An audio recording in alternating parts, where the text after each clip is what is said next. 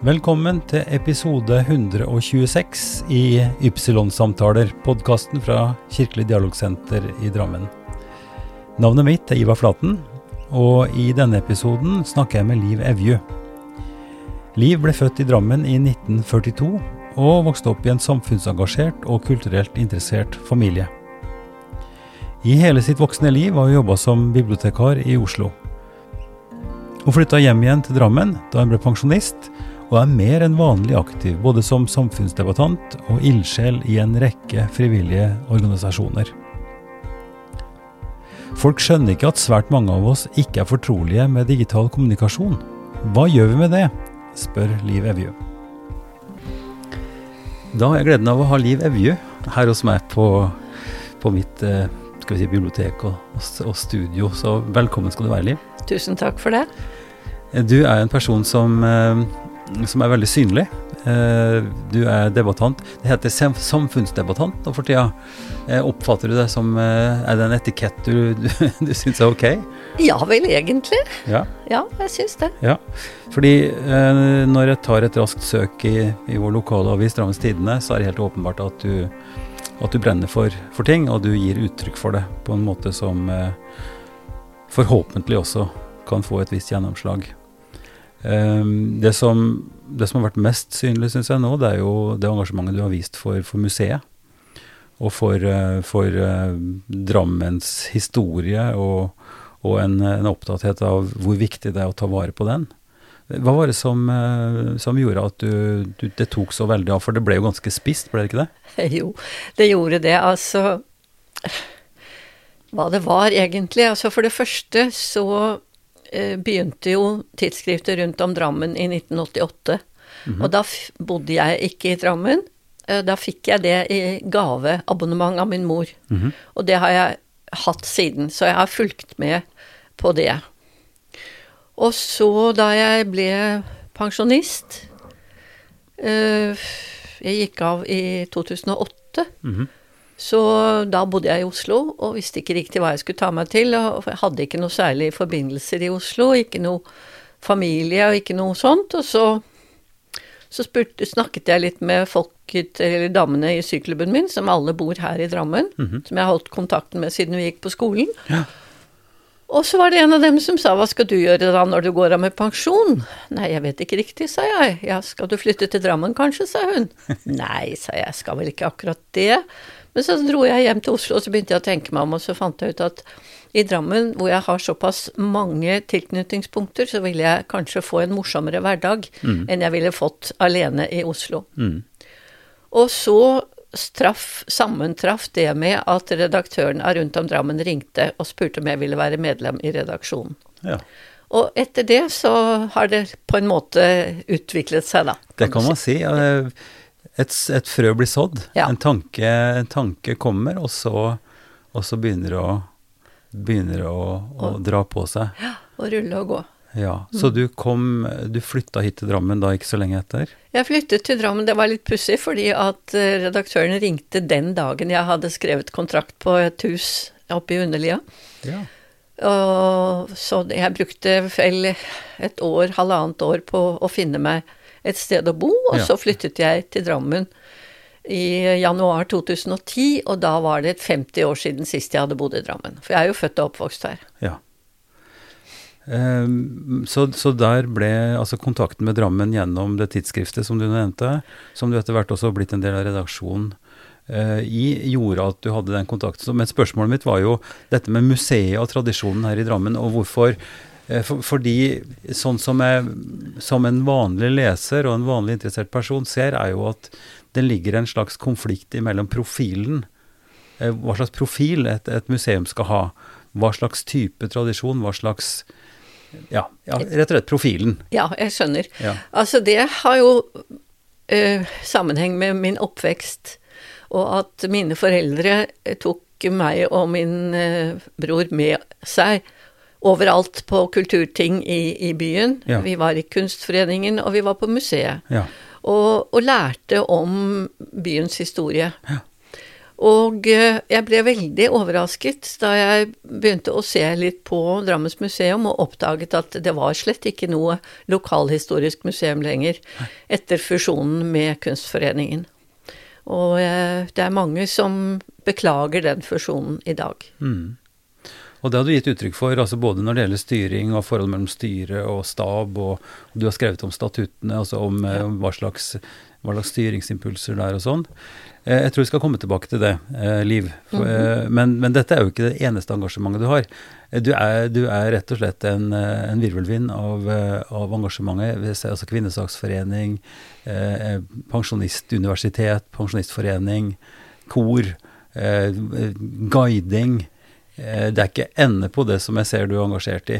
Hvor kommer alt dette fra? Du snakka litt om foreldrene dine. Ja da, jeg gjorde det. Jeg må korrigere deg. Jeg har ikke noe med Pensjonistforeningen å gjøre, det er Pensjonistuniversitetet ja, som er mitt. Ja, beklager. Ja. Mm. Nei, det har med oppveksten å gjøre, og det har med bakgrunnen å gjøre, fordi jeg har forbilder i generasjonen, foreldregenerasjonen og generasjonen før det. Mm. Altså mine besteforeldre var eh, ivrige samfunnsdeltakere på begge sider, både morssiden og farssiden. Mm. Eh, min mors, en av min mors søstre satt i byggekomiteen for Fjell kirke, f.eks. Ja. Eh, eh, mine Både min mormor og min morfar satt i bystyret i en periode eh, for hvert sitt parti. Mm. Og min bestefar på farssiden var også veldig aktiv i kulturlivet. Mm. Eh, som eh, en av stifterne i Drammens mannskor, og eh, i det hele tatt med ja, musikk. Ja, ja, Så jeg har mange forbilder, og det samfunnsengasjementet som de la for dagen, det, det ville jeg gjerne føre videre. Mm. Og i og med at jeg ikke har noen, noen nær familie her i Drammen, så har jeg tid til å mm. gjøre sånt. Mm. Og da syns jeg, også syns jeg det er morsomt. Ja, ja. ja. ja det, det, skinner jo gjennom. Altså, for, for, ellers så blir det jo ikke det blir jo ikke det trykket. For det, det er jo et, jeg, jeg syns det er en veldig energi i det, og en, et veldig engasjement, og en veldig fornemmer en drivkraft i det. Ja da, ja. det er det. Og, og, det er jo ikke bare fordi at en har lært det eller har blitt inspirert, men det er jo fordi at Det må jo være fordi at du ser noe, ut, noe, noe viktig og noe, noe i det som gjør at du drives videre til å holde på. Ja, det er det. Og, og, det er jo det at, eh, at jeg ser at jeg har et Du kan si at målet er jo å gjøre det bedre. Mm. og ønsket for mitt eget vedkommende er å være en ressursperson. Mm. Og, og, det håper jeg å kunne være, da, i, mm. i, og med at jeg engasjerer meg i disse tingene. La oss, la oss ta spole tilbake igjen. Ja. Eh, med, du, du, snakker om både besteforeldre og foreldre. Ja. Snakk om eh, liv som eh, lita jente i oppvekst. Hvordan eh, Altså hvordan det mest dramatiske i mitt liv, det er jo fødselen. Jaha. For jeg er tvilling, og jeg er født to måneder for tidlig. Mm. Og det er derfor jeg heter Liv, fordi at jeg overlevde. Aha. Ja. Til verden. ja. Og både min bror og jeg var jo mindre enn våre jevnaldrende helt til vi kom ut i, i puberteten. Ja, ja. Men siden så har det jo gått seg til, da, kan man si. Ja, ja. Eh, men altså, si litt om, eh, om oppveksten din. Eh, ja. Interesser. Jeg spør jo ofte også hva slags kobling det var til, til, til gudstjenester og, og, religiøs virksomhet, i og med at vi har en, et, et multireligiøst og multikulturelt samfunn her. Ja, og da er det jo det å si at det, det i mitt barndomshjem så var det ikke det å gå til gudstjeneste var ikke en del av min nei, oppvekst. Nei. Og jeg husker at jeg spurte moren min eh, eh, Jeg hørte at andre klassekamerater og sånn skulle gå i kirken på julaften. Mm. Og så spurte jeg mor om vi mm. ikke skulle gå i kirken på julaften, og så sa hun hvorfor i all verden skal vi gå i kirken på julaften når vi aldri er der ellers? Ja. Og det syns jeg var et veldig redelig standpunkt. Mm. Så så um, Mens hennes, min mors søstre var jo veldig ivrige deltakere i menigheten, og, og den ene drev søndagsskole, og de var flittige ja, ja, kirkegjengere. Ja, men ikke min mor. Nei. Og heller ikke min far. Så, men jeg, jeg har jo gått på vanlig skole og, og, lært Jeg kan jo bibelhistorien veldig godt. Jeg fikk barnebibel av tantene. De, hadde, min mor hadde et par tanter som også veldig gjerne ville at vi skulle oppdras på en eh, kristelig måte, så jeg mm. hadde jo barneblader og, og, ja, og alt mulig. Ja. Og jeg leste veldig mye, så, så, historien kan jeg. Ja, ja. Eh, skolegangen og, og sånn, eh, hva var interessene dine der? Du var allment interessert, tenker jeg? Ja, altså det er jo en fordel når man da uh, utdanner seg til bibliotekar, som jeg gjorde, at, at, man er allment generelt nysgjerrig. At det ikke er noe som man avviser fordi at det er uinteressant. Mm. Alt er mm. spennende, mm. egentlig. Mm. Ja. ja. Men så er det jo sånn at en kanskje fatter interesse for noe mer enn noe annet. Altså, du sier at alt interesser, og det kjenner jeg meg veldig igjen i. Ja. Altså, for det er så utrolig mye ja, spennende innenfor både vitenskap og litteratur og ja, kunst, altså musikk. Eh, så jeg tror vi har en ganske lik eh, fornemmelse av alt. Altså en stor appetitt da, på å lære nytt og forstå ting. Eh, men, men, altså Bibliotek og bibliotekar er jo en, en som som forhåpentligvis har en viss oversikt, og som har en viss struktur, og som kan gi råd, og som kan bidra til å hjelpe både allment lesende folk, men også forskere, kanskje? Absolutt. Absolutt. Og det, det er jo en del av uh, driven. Det er jo detektivgenet, ikke sant. At ja. du syns det er morsomt og spennende å finne svar når folk spør. Ja. Og i min ungdom så var liksom det å bli bibliotekar, det ble man fordi man var glad i å lese. Og ja. det er jo absolutt ikke det bibliotekarer gjør. Nei. Bibliotekarer systematiserer mm. og gjenfinner. Og det er jo det viktigste. Mm. Og i barndommen og ungdommen så var jeg en vanvittig rotekopp. Men eh, etter hvert da så har jeg fått mer struktur og orden og system i, i tingene. Mm. Og, og, det pleier, pleier, jeg å si er en yrkesskade. Ja. Fordi som bibliotekar så lærer man jo det. Mm. Men kan, kan, ikke du forklare oss som ikke har veldig altså vi, kjenner, vi, elsker jo Drammensbiblioteket, og vi ja. ser liksom hvordan samlingene blir lagt ut der, og vi vet at det er et magasin, og vi vet at det går an å få tak i Nå er det jo Bookbite, så du kan låne på, på nett osv. Mye sånt som skjer. Men kan du ikke gi oss liksom hovedstolpene i, i, i, utdanningen, det som gjør at en kan bli en god bibliotekar?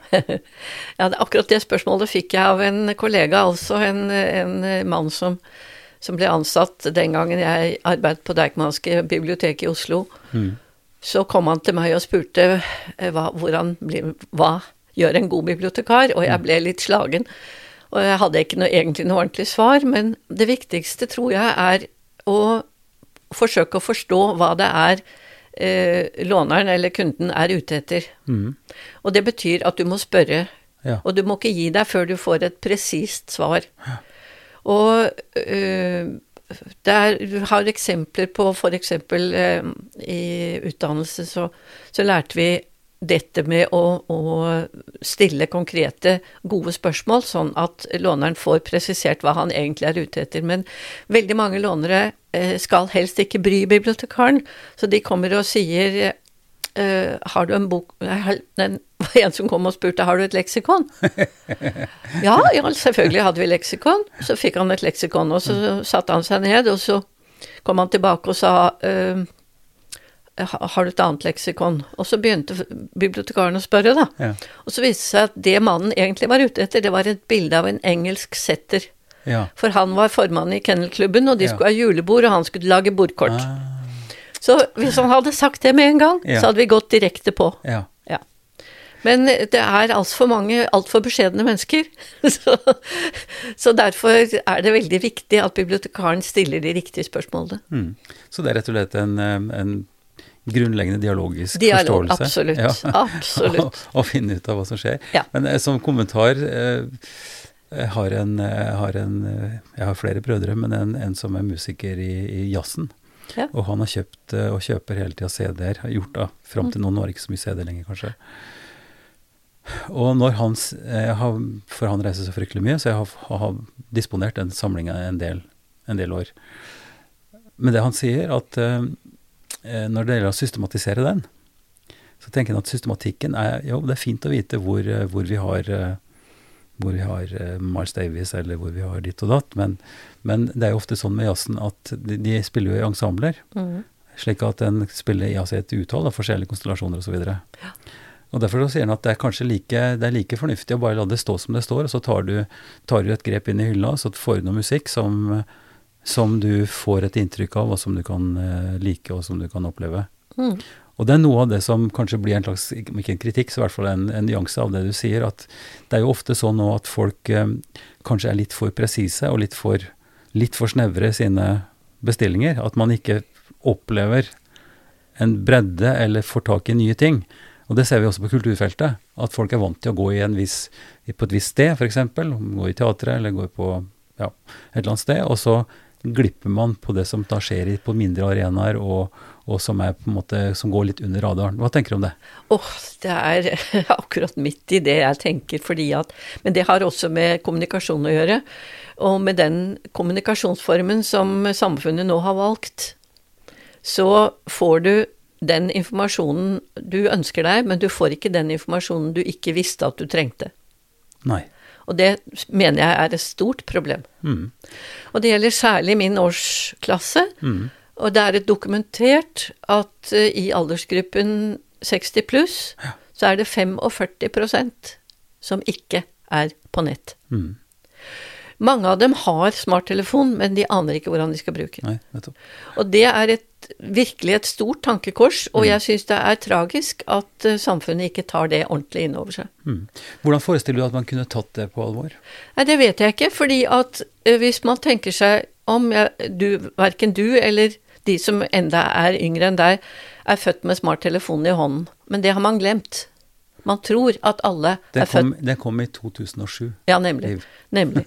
Og alle har lært det. Ja. Men man husker ikke hvordan og når man har lært det, Nei. fordi dette har, har gått for seg i et miljø Ja. hvor du var omgitt av folk som hadde smarttelefon, og som noen kunne det, og noen kunne det, og så hjalp man hverandre. Ja. Og i det øyeblikk du er ute av arbeidslivet, Mm. så mister du det miljøet.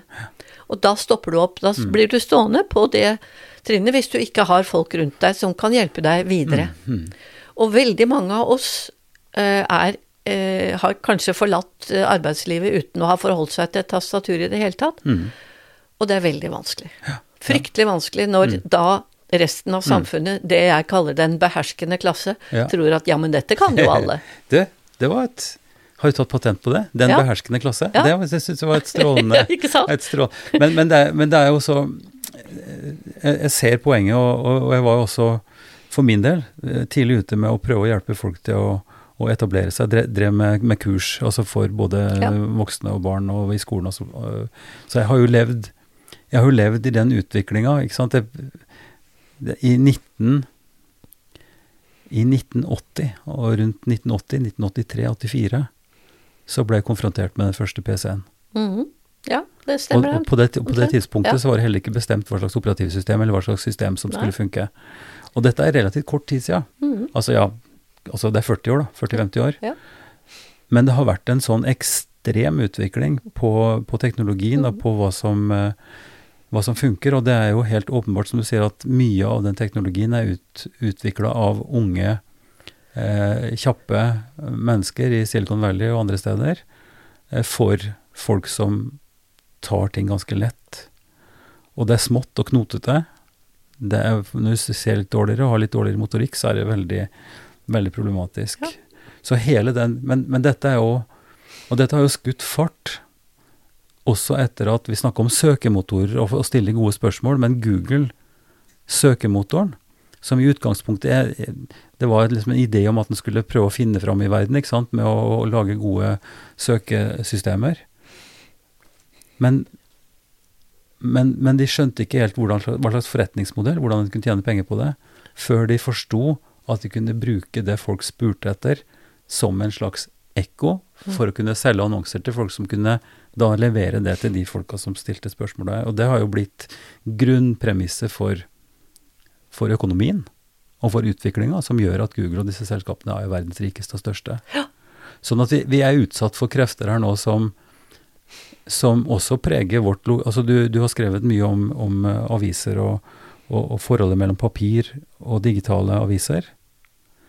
Men mens vi snakker nå, så er det jo Altså det er jo det er store nedskjæringer i de store avisene fordi at de omstiller fra produksjon av papir og annonser der til slankere digitale utgaver. Ja så, da, og det så, det, er så dette er på en måte en, en Vi er midt i en sånn stor omstilling, eller en, en, en endret samfunnsendring, som så klart har noen veldig beklagelige effekter, og det er det du påpeker.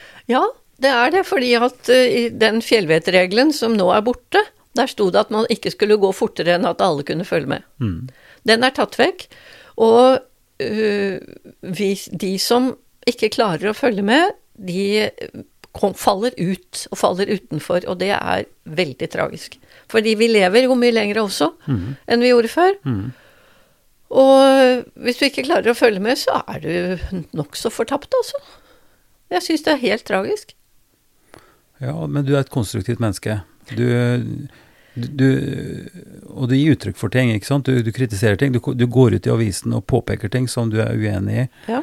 Eh, men, men det er også veldig interessant hvordan en kan eh, gjøre grep da, som, som, som gjør at de problemene vi ser, kan bli mindre, eller bøte på de verste utslagene. Eh, og, og vi ser jo at, at det er kurs i, i pensjonistforeningers regi og sånt, ikke sant, med å kunne lære eh, nettbank og Altså er det Men det, er, det blir jo småting, da, i forhold til de store bevegelsene. Ja, det gjør det. Og, og de som kan, har en tendens til å tro at alle kan. Og de skjønner ikke at, eh, at vi må ha med oss alle. Vi kan ikke bare gå videre. Og fordi dette kan jeg, så, så fortsetter jeg med det. Og så ligger de andre igjen i grøfta. Det, det holder ikke, altså. Ikke i et sivilisert samfunn. Så da er, det, rett og slett å drive opplæring, da, tenker du? Eller, eller Ja. lage patruljer, altså skape Altså vi, vi har jo noen ideer om at yngre folk kan sitte sammen med eldre og rett og slett bistå, men da blir det jo fort sånn at en bare peker fort, og da gjør det sånn og sånn og sånn, og så blir det ikke nok trening, eller man folk forstår det ikke, eller får det ikke inn i, Ja. i fingra, kanskje. Ja, det er, nei, det er et uh, uløselig problem. Jeg vet ikke hvordan man skal håndtere det, faktisk. Men eh, at, at vi trenger eh, å stoppe opp lite grann og få med alle. Det er jo noe som heter 'alle skal med', ikke sant? Ja, ja. Og det er jo frivillighetens år i år, og vi, du er jo en av de mange som bruker fryktelig mye tid på, på frivillig arbeid for å bistå og, og skape gode relasjoner med folk og, og gjøre dagene meningsfulle. Og da, sånn at vi gjør det vi kan. Men eh, vi må Jeg tror vi skal ta et skritt tilbake fra det med teknologien. fordi utgangspunktet for det vi nå snakker om, og det som starta det, var jo min min eh, antagelse eller min erfaring på at vi, i den grad vi går etter det som vi kjenner til, og det som vi er veldig spesifikke på å be om, så kan vi gå dypere inn, og vi får lære mye av det, og det er fint.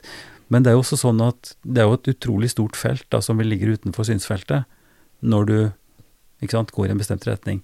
Så tilfeldighetene, det som min bror da liksom anbefalte meg bare ta i hylla og, og spille musikken, det å kunne gå i bokhandel, altså inspirere av en forside eller en spennende tittel, liksom.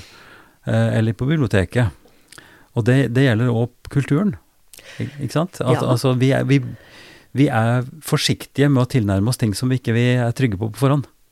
Ja da, absolutt. Ja. Det er vi. Ja. Vi skal helst stå på, på trygg grunn før Ja. vi tar et skritt frem. Ja, ja. det er helt klart. Men, men si litt om, eh, om eh, engasjementet ditt for historie og sånn, fordi du har også uttrykt, tror jeg, et, om ikke det er direkte sitat, så har du sagt noe om at, eh, at i en by hvor vi har så stor innflytting og så stort, stort mangfold, så er det viktig også at vi har god kontakt med vår egen historie.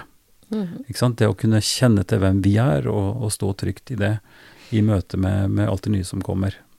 Eh, si litt om det. Ja, det, var, det er jo det dette tidsskriftet eh, som heter Rundt om Drammen, da, som, som eh, gir en god del eh, informasjon. Og så er det det at du skal vite hvorfor ting er som de er. Det er, historie er helt grunnleggende. Hvis du ikke vet hvorfor hvorfor den Hva skal jeg si? Hvorfor den broen går akkurat der, hvorfor den fabrikken står akkurat der hvor den står, så, så mister du en dimensjon i, i livet ditt, syns nå jeg da, i hvert fall. Mm. Så historie er kjempeviktig. Kjenne til sammenhenger. Ja. Mm, og være stolt over sammenhengen. Det har vært en rivende utvikling, da. ja, det har Det det. er flere samtaler i denne serien nå som, som kan fortelle om hvordan det så ut her, eh, før en fikk renska opp i elva og, og med alt av utslipp og, Ja. og sånt noe. Så det har skjedd en rivende utvikling. Ja. Det, har, det har blitt eh, store endringer. Ikke bare på befolkningsgrunnlaget osv., men på rett og slett på hele bybildet og, og alt det vi har rundt oss. Og det, jeg syns vi kan gå tilbake litt til Det er jo samme tråd, men med, med historien. Altså det du savner fra din egen barndom, der du kunne gå og få tak i hva som hadde skjedd før, og bli kjent med historien osv. Noe som du opplever ikke fungerer på samme måten, og som har ført til at du og mange flere også har engasjert dere i å få til noe på, på Spiraltoppen. Med Friluftsmuseet der, og, og jobba veldig konkret med, med å få det inn igjen. Eh, og vi skal ikke gå inn i på en måte konflikten eller begynne å snakke så veldig mye om det, men det er noen Hva er forskjellene? Hva er det du savner i det museet som du kom til da du kom tilbake hit til byen?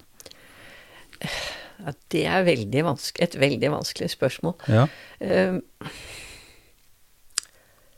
Jeg vet ikke hva jeg skal si til det. Altså, det er jo først og fremst eh, at eh, ting er jo ikke sånn som de er. eh, Og det er altså blitt til av seg selv. Det, er, det ligger en historie bak det aller meste. Mm. Og det å sette seg inn i historien gjør jo at man kan ta riktige beslutninger. Mm. Jeg tror ikke jeg kan si det klarere enn det. Nei, men at, at museet til enhver tid også gjenspeiler det som museets ledelse og, og fagfolk ønsker å, å sette fram. Altså at, at, det er, at det er en type profil, som jeg at du har skrevet noe om også, at, at den ikke gjenspeiler på en måte hele historien, eller at det er, altså, at den er begrenset eller eklektisk på en eller annen måte. Ja, ja kanskje, men, eh, men eh, jeg tror ikke jeg vet hva jeg skal si til det. Nei. Nei. Men si litt om Friluftsmuseet, for det har jo noe som har utvikla seg veldig de siste åra. Ja, det har det, og jeg kan kjenner ikke så veldig mye til det, egentlig. Eh, Men jeg tenker meg litt om. Eh, Friluftsmuseet er jo eh, en viktig del av, av Drammens museum. Mm. Og Og det har hatt veldig vind i seila i det siste. Det oppleves som at det, er, at det har blitt tilført mye energi. Det er mange som har engasjert seg der. Og, og at det har vært mye Bl.a. i festivalen vår så har vi jo hatt konserter der oppe på sommeren. og Ja. altså det, det, det er mye liv der og mye aktivitet. Ja da, det er det, og det er viktig. Altså knytte trådene bakover og skjønne at ikke ting eh, har kommet av seg selv, men at det ligger en innsats og en tanke bak Mm. eh, det du ser. Mm. Det er, det er viktig. Og at vi har en fortid som vi må ta vare på, Mm. og ikke glemme den. For uten den så har vi jo ikke noe fundament. Nei. Nei. Og det er jo, det er jo veldig spesielt. Altså, Spiraltoppen er jo en sensasjon for gjester som kommer fra utlandet. De syns jo det er så utrolig spennende å kjøre Ja. opp der og, og komme og få den utsikten og se dalen, se elva og, og, og også disse gamle, fine bygningene og de forskjellige tuna og sånt som har kommet der oppe. Ja. det er jo, jeg syns jo det at det har, det har blitt mer synlig, i hvert fall, og mer, eh, mer interesse rundt det de Ja da. årene. Det har det. Og, og det var jo Først og fremst så var det jo Eivind Olsens idé å, å bygge spiralen ved, i og med at han eh, tenkte at vi skulle han, De hadde steinbrudd i åsen, ikke sant? Mm. Og så tenkte han at dette, det å ta ut stein hele tiden, det, det åpnet jo et rom innover i fjellet, og dette må vi kunne bruke til noe. Ja. Og så ble det, det altså spiraltunnelen, som jo var en sensasjon da Mm. den sto ferdig. Så det var et uttrykk for at de trengte stein til forskjellige ting? Ja, det var først og fremst det. Ja. Kommunen brukte, hadde jo flere steinbrudd i åsen, Mm. Og, og det var Eivind Olsen, byingeniøren, eh, som, eh, som fikk ideen til å, å bruke eh, den, det at de trengte stein, til å bygge noe spesielt. Mm. Og så fikk vi altså spiraltunnelen, Mm. som ble et symbol for Drammen. Eh, Liv, kan ikke du Vi må komme inn på de, en del av de tinga som du driver med nå i din pensjonisttilværelse. Men kanskje før det, kan du ikke si litt om, om yrket ditt? For du, du forteller at du jobba på Deichman bl.a. Ja. Si litt om uh, yrket ditt fra du tok uh, utdanning og, og de gjennom de forskjellige fasene der. For du har jobba som bibliotekar hele din karriere? Jeg har vært bibliotekar hele livet, ja. ja, ja. Og eh, i gamle dager, da, da jeg var barn, så bodde jeg jo nesten på Drammens bibliotek. ja. I, i uh, Ampan Bloms gate er det vel. Jeg Mm. holder aldri rede på det, alle de amtmennene. Nei. Men uh, og, og da bodde jeg nede i sentrum. Jeg bodde i, nederst i Dronninggaten. Ja. Så jeg kunne gå. Jeg fikk gå alene, da, da jeg, selv om jeg var liten, Mm. til biblioteket som lå uh, der på, Mm. på, uh, i Ampan Bloms gate. Mm. Og eh, så, så nå, nå mistet jeg tråden. Hva Nei, altså, altså jeg, jeg tenker på hele den Altså karrieren din som bibliotekar. Ja, ja, ja. Ja. Ja, nei, så, så sa de jo til meg da at du, du må jo bli bibliotekar, du som er så glad i å lese. Så tenkte jeg, jeg hadde ikke noen spesielle planer, så, så, så det ble jeg, da. Utdannet meg som bibliotekar. Og, og det, er- det er høyskoleutdanning, ikke sant? Ja, det er høyskole. Det var jo eh, Statens bibliotekskole, het det den gangen, Mhm. Eh, som ble grunnlagt i 1940. Ja. Og så, den gangen jeg tok utdannelsen, som begynner å bli svært lenge siden, så Jeg var ferdig i 63. Mm. Så, så besto utdannelsen av tre semestre praksis og tre semestre eh, skole. Ja. Det høres bra ut. Ja da, det var det. Generelt så er det for lite praksis, tenker Ja. jeg, i mye utdanning. Ja, men uh, du kom ikke inn på bibliotekskolen, eller nå høyskolen, da, før du hadde gjennomført de tre semestrene Nei. med praktisk arbeid. Mm. Og da var det jo veldig mange som skjønte at dette her er ikke noe for meg, ikke sant. Ja. Men jeg syns det var, uh, det var spennende, så jeg gikk da ut og tok den treårige utdannelsen. Og da gikk det mye på å lære systematikken og hvordan, Systematikk, ja. hvordan bibliotek bygges opp Ja, så akkurat. Ja. Mm. Og litteratur, selvfølgelig. Ja. Og også andre ting. Nå er det jo det så lenge siden at jeg, jeg husker, husker nesten ikke hva det Nei, var vi lærte. Nei, men det som fascinerte deg, det var jo nettopp bøker og det å skulle ha litt sånn detektivgen, som du sier. Ja. Og, mm. og jeg husker at jeg kalte det Norges beste allmennutdanning. For du var jo borti absolutt alt mulig. Ja. I et bibliotek så skal du jo håndtere litteratur om alt mulig rart. ja. Fra fluefiske til uh, steinhoggeri, for å si ja. det sånn. Og andre medier, var dere inne på det? Nei, altså, og nå må du huske på at jeg er en gammel dame, Ja. eh, og jeg tok uh, bibliotekskolen, som Ja. den den gang het, i Ja. 1963. sånn? Ja. Så da var det ikke noe særlig andre medier. Nei. Men uh, Aviser, sikkert. Hva sa du? Aviser, ja, ja, det er klart. og sånt. Ja, Ja. Mm. det var det. Mm. Så det er min utdannelse. Og den gangen var jo den veldig snau. Det var eh, ett og et halvt års praksis først, Ja. og så var det ett og et halvt Ja. års skole. Nettopp. Og så ut i, ut i jobb direkte. Og så ut i jobb. Ja. På store og små biblioteker. Dekman er jo legendarisk ved å ha fått et fabelaktig, fabelaktig nytt bibliotek i Oslo nå. ja. Jeg jobbet på Hammersborg Jaha. i en periode. Hadde Mm. ansvar for eh, bokbuss og, og de små, det som de kalte utlånsstasjoner, de små utlånsavdelingene som gjerne holdt til i et klasserom på en skole, Ja. og var åpne et par ganger i uka på ettermiddagen. Ja. Mm. Så da dro du da rundt, eller Ja. var det du som hadde oversikten? Jeg hadde oversikten, men og- så, og så hadde vi bibliotekskolestudenter som, som betjente biblioteket i de par Ja. timene i uka de var åpne. Ja. Mm. Så det var eh, Nei, det er morsomt. Og, og jeg datt nærmest inn i det yrket og har aldri angret. Nei. Det har vært veldig morsomt. Når du ser tilbake, hva vil du si er høydepunkter? Har du noen sånne minner om, om eh, hva, som har gjort inntrykk på deg spesielt? I, det har jo vært det er jo en lang periode med mye forskjellige fokusområder og temaområder, og sikkert mye som folk har spurt etter. Ja, ja, ja, ja, ja. Absolutt. Eh, Det som, som eh, vi forsøkte å trene folk til, det var jo å spisse spørsmålene sine. Ja. For, for eh, den klassiske situasjonen er jo at det kommer en, en person i skranken og sier 'har du et leksikon'? ja. Du fortalte om det, Ja, ikke sant? Han ikke sant? karen som egentlig skulle ha en engelsk setter, og som ja, han skulle ha bilde av en engelsk setter, ja. Som, som starta med ja. leksikonet. Han skulle tegne bordkort til, til det, det, det er jo en vid start, da. Det er Ja. ganske bred tilnærming. ja, ja.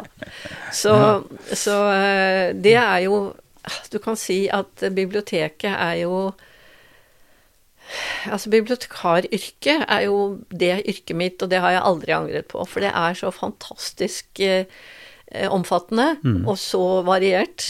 Du får jo de underligste spørsmål. Mm. Og det å forsøke å få folk til å presisere det de egentlig er ute etter, istedenfor for å si 'har du et leksikon', det, det er en del av jobben. Og det er veldig spennende. Mm. Og nå ser vi jo, som vi var så vidt inne på her tidligere, at, eh, at biblioteket i Drammen f.eks., som er jo et uh, eventyr at biblioteket det også, har veldig mange andre funksjoner. Altså at det, er, at det er et sted hvor folk kommer for å sitte og, og lese. Altså at en legger opp til aktiviteter der. Det er, det er litteratur til lunsj, foredrag. Eh, det skjer ting på kvelden. Veldig god bibliotek er en veldig god samarbeidspartner for oss som holder på med ting Ja. ellers. Eh, Det er jo ikke nytt. Nei? Det var jo da jeg tok bibliotekskoleutdanningen i 1963, Ja. så var det sånt vi holdt på med. ja. Mm. Så, så Men det som Det er jo underkommunisert Ja. eh, hvor godt hva, hva et godt bibliotek kan være. Mm. Slik at folk blir veldig imponert, eh, selv i dag. Og det er altså himmel og hav. Det er veldig lenge siden jeg var ferdig utdannet. Ja, det var ja, i ja. 1963. Og, og i- fremdeles blir folk imponert når biblioteket gjør ting som er helt naturlig for et bibliotek Ja, å gjøre. Så vi har ikke kommunisert uh, våre tjenester godt nok. vi, og så er vi, uh, vi har, som vi var inne på også, vi har dårlig hukommelse på, på, på det åpenbare. Ja. Ikke sant? At vi, at vi tenker at et bibliotek det er en, det er en hylle med bøker, Ja. og noen som skal hjelpe oss med bøker. Mm. Eh, og, og folk som tenker på skolen, da sitter du i en, ikke sant, i en skolesal i rekke og rad, og så er læreren som, som står foran. Og så glemmer man alt det som har skjedd av utvikling, og, Ja. og bildene våre av hva ting er. Eh, og som du var inne på også, det med, med smarttelefon. Vi husker jo Altså, det er vanskelig å huske tilbake før den tida. Ja, så Man forestiller seg da at nei, sånn har det vært alltid, og sånn er det bare. akkurat. Så, og det har jo med historie å gjøre. Ja, det har det. Ja. Ja. Hmm. Vi, må, vi må også snakke om eh, Pensjonistuniversitetet. Mm. Eh, jeg har jo hatt gleden av å, å, å kunne ha foredrag der. Eh, og det er en veldig interessant eh, forsamling. Kan ikke du si litt om, om arbeidet med, med det, og hva det handler om? Ja, eh, Pensjonistuniversitetet i Drammen, det er jo et eh, tiltak som er fantastisk interessant. Og eh, som eh, vi bruker en del tid på. Og eh, med møter og med, med foredrag og med stor interesse. Mm. Så, og det, det syns jeg er veldig, veldig spennende å være med på. Tem temakretsen er ganske åpen, så det er ikke noe, er Ja. noe bestemt retning. Nei, det skal det, det, være er, det er veldig bredt anlagt. Det er jo nettopp eh, grunnbetydningen av universitet, ikke sant. Ja. Det har med universet å gjøre. Det Ja. skal være helt altomfattende. Så det noen sier undervisitet, da. Det har jo også litt Det er jo også en morsom vri på det ordet. Ja, ja, ja. At man lærer noe. ja natu naturligvis. Ja. Og ganske, ganske stor interesse. Ja, det er det. Eh, syns du at det forandra seg noe i løpet av, koronaperioden og nå etterpå? Dere klart å, å beholde Trykket? Ja, jeg syns egentlig det. Ja. det. Det har forandret seg, men vi har beholdt eh, Altså, folk kommer jo, og folk er jo interessert. Ja. Så, og folk vil gjerne vite ting. Mm. Og nysgjerrigheten er en kjempeviktig ressurs. Den må vi ta vare på. ja. Og der er det et styre som, eh, som legger opp det er halvårsplaner dere, Ja. dere har. Og, og er, er, folk lette å be? Kommer Ja, foredragsholderne? ja. Det syns jeg. Absolutt. Sist, altså når jeg var der, så husker jeg det var Jeg var så imponert over eh, rett og slett hvor mange som, som var der. Mm. Og hvor langt fremme på stolen de satt. Altså Ja. hvor stor eh, Ja. Det var en veldig lydhør forsamling. Ja, det er det. Ja. Det er det absolutt. Folk vil gjerne ha påfyll. Og, og de vil gjerne møte andre. Og den der kombinasjonen av, eh, av hygge og, og eh, informasjon, den, den er viktig. Mm. ja. Mm. Jeg har lyst til at du skal si litt om kvinnesaksarbeidet også. Eh, Du er som samfunnsaktiv og orientert, og, og du, ser, du ser utfordringer. Jeg husker i 1975, det var det året vi gifta oss, Ingela. Det var kvinne... Eller det var likestillingsåret, eller kvinneåret. Ja, kvinneåret, ja. Ja. ja. Eh, Og det er jo noen år sia. Mhm. Og så har vi hatt metoo ganske nylig. Vi har opplever stadig vekk at det der er en, eh, en slags konfliktlinje eller en, en utfordring for samfunnet. Hva, hva er dine Hva tenker du om det? Altså ditt arbeid som For du, du har vært, og er kanskje aktiv fortsatt, i kvinne, Drammen kvinnesaksforening? Ja, eller- ja. Mm. Eh, Hva- La, oss, la oss spørre først, hva, hva er motivasjonen din for å gå inn i, i, i det arbeidet? Nei, det syns jeg er helt åpenbart. Så lenge det ikke er eh, full, full likestilling, så, så er det viktig, et viktig arbeid. Mm. Og, og det, det, skal jo synliggjøres, det kvinner gjør. Det er ikke bare eh, sånn, sånn, som er ved siden av det viktige arbeidet. Det alt, alt, er viktig. Mm. Altså uten eh, Hva skal jeg si, da? Det, det, det er ikke det er en del menn som ikke ville ha vært der de var uten at det sto kvinner eh, bak dem og gjorde bakketjenesten, for å si det sånn. Klart. klart. Mm. Og at uh, kvinners uh, stemmer og kvinners måte å se ting på mm. er en viktig del av, av, samfunnet. Det er det jo ikke tvil om. Mm. Og det, ikke, det, forandres jo ikke. Det, sånn er det jo. Ja. Så er det det med rollene og hva vi er vant med og sånt også. Mm. For min del var det en ganske bratt læringskurve da jeg ble gift, Jaha. rett og slett. Fordi jeg vokste opp med en mor som, som, ikke var så veldig interessert i å la oss blande oss bort i saker og ting. Så det, det er noe med det også. Det er jo en veldig viktig læring for mm. kvinner, det er å, å slippe til andre. Mm. Men eh, så er det det med å ha et domene, da. Noe som hvis, hvis, far ordner alt det andre, så skal mor i hvert fall ha kjøkkenet, ikke sant? Ja. Hvor hun bestemmer. Mm. Det er noe med det, å dele mm. på, på, ansvarsområdet. Ja. ja. Det er jo en gjensidig ja. Har det forandra seg, syns du? Har det, blitt, eh, har det blitt en forandring som er merkbar? Så vet du at det tror jeg ikke jeg kan uttale meg om. For Nei. jeg har levd alene så lenge at jeg har ikke ja, Du har full styring på alt, du? Ja, det har jeg, kan du si. Jeg bestemmer alt selv. ja, ja.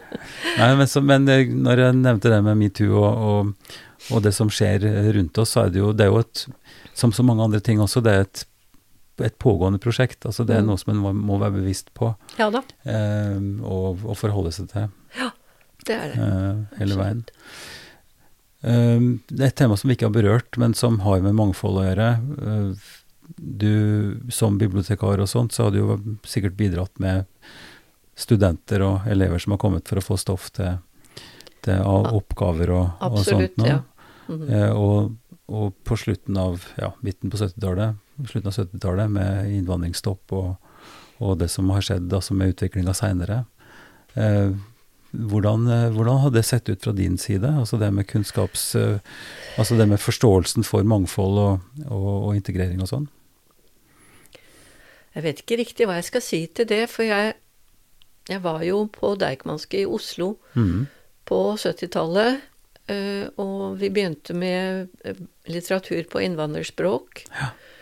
Og så sluttet jeg med det og begynte i bokhandel, hvor vi solgte bøker til bibliotekene over hele landet. Og solgte også bøker på innvandrerspråk. Mm. Så så mangfoldet kjenner jeg jo for så vidt til, ja. men mer i teori enn i praksis, kan du si. Mm. Ja. Men det er jo veldig viktig eh, å lære Det skjønte jeg i hvert fall den gangen, at å lære et nytt språk Da må du ha eh, grunnlag i ditt eget språk, og hvis mm. du ikke kan det, så, så, fikser du ikke å lære et nytt språk. Nei. Så, men jeg har jo aldri arbeidet på Drammensbiblioteket, hvor man har i denne byen hvor man har veldig mye innvandrere. Ja. Jeg har stort sett arbeidet i Oslo mm. som bibliotekar, da. Ja, og der hadde jo vært Altså Oslo er vel på den, den byen som da er større enn en, en Drammen på det området, altså som har enda større mangfold. Og, ja da, og sånn sett, der så hadde vi jo en egen avdeling for, for innvandrerlitteratur. Mm, ja. Mm. Og nå ser vi jo med, med Ukraina og, og, de som kommer derfra, hvor, hvor interessant det er, og hvor fint det er at man kan ha bøker, litteratur, på, på russisk og på ukrainsk, og, ja. og det som slik at en har muligheten til å kunne fortsette å forholde seg til sitt eget, samtidig som man skal lære det, det nye, da. Akkurat.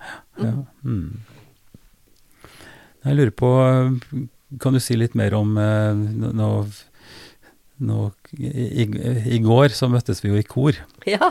Og din, din korinteresse også, på toppen av alt. Hvor lenge har du hatt har du sunget mye gjennom livet ellers? Ja, altså jeg er jo vokst opp i en musikkfamilie. Ja. Og eh, det å spille piano, det var, det var obligatorisk. Det, mm. gikk, det gjorde man. Man lærte å spille piano. Jeg begynte vel da jeg var åtte. Ja. Men eh, så da jeg kom til, eh, til Oslo som etter, etter artium Jeg tok artium i 1960. Kom til Oslo da og begynte på på eh, Først praksis eh, i bibliotek, Mhm. og så bibliotekskolen, som det den gang het, ikke høyskolen som det heter nå. Så, så um, begynte jeg å synge i kor. ja.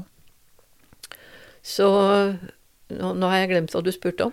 Nei, men altså bare si litt om den, hvordan det har utvikla seg gjennom, for nå, nå synger vi i kantoriet her. Men, Ja, akkurat. eh, Takk. Men du Der var det. Mm, Ja. Nei, da begynte jeg å synge i kor, og da kom jeg inn i Akademisk korforening, ja. hvor jeg var i veldig mange år i hele Oslo-perioden. Ja. Og hvor jeg en periode også faktisk var styreleder. Ja. Så, så korvirksomheten har vært veldig viktig for meg. Ja. Og, og det er jo en kilde til eh, integrering i et samfunn. Absolutt. Ja. absolutt. Ja. Altså den kombinasjonen av å bli kjent med korlitteratur og fantastisk musikk, og så er det et sterkt sosialt miljø. Ja. Eh, ja. Det betyr veldig, veldig mye. Og så bare det fysiske òg, rett og slett. Det med å stå der og, og bruke kroppen til å lage lyd, altså å synge. Det er, det er veldig mange ting samtidig. Ja da, det er det. Og, og jeg kom jo fra en musikerfamilie og var litt ergerlig over at mine foreldre aldri lot meg lære sang. Ja. Fordi det var instrumentalmusikk som sto i, i fokus Mm. eh, i, i min familie. Selv om jeg hadde en tante som var sangerinne. ja. Så, så ble det ikke noe sang på meg før, før efter artium, før jeg kom til Oslo. Mm. Da begynte jeg å synge. Mm. Og da tok jeg også litt sangtimer. ja. Så, så den sangen har vært til veldig stor glede. Mm. Og derfor kom jeg da altså inn i kor. Så, og koret er en viktig Jeg får, synger jo fremdeles i kor. Så det er en veldig viktig del Ja, av livet. eh, ja, det er enig. Jeg har noen, noen år nå ikke hatt mulighet til å være med på det, men det, det har vært et savn. Mm. Eh, Som sagt, for det, det er et eller annet med å, å uttrykke seg eh, gjennom sin egen stemme, men også i sammen med andre. Ja. Følelsen av at en går opp i en litt større enhet, og at liksom summen av den enkelte, eh, altså totalen blir egentlig større enn en, det, det er merkelig, men det er et eller annet der som, eh, som er nesten litt magisk, syns jeg. Det er store ord, men det er helt riktig. Jeg er helt Ja. enig med deg. Man opplever det. Ja. Ja. Og at man formidler noe til, til et publikum som også forhåpentligvis kan få, få noe ut av det. Ja. Mm. Liv Evju, det har vært en fornøyelse. Tusen takk. Eh, takk for en eh, hyggelig samtale, og lykke til videre med alle dine engasjementer. Hjertelig takk for det, og takk for samtalen. Det er veldig hyggelig at du lytter til Ypsilon-samtalene. Det er nå et stort eh, arkiv. Det er nesten 130 samtaler som eh, er gjort i de tre åra vi har holdt på. De finner du alle sammen på ypsilonsamtaler.no, altså www.ypsilonsamtaler.no. Der finner du en kort film og en liten tekst og en beskrivelse av episodene. Så det anbefaler jeg sterkt at du kikker på. Podkasten er støtta av eh, Einar Juels legat. Den er også støtta av eh, Drammen kommune via IMDi-midler og av Barne- og familiedepartementet.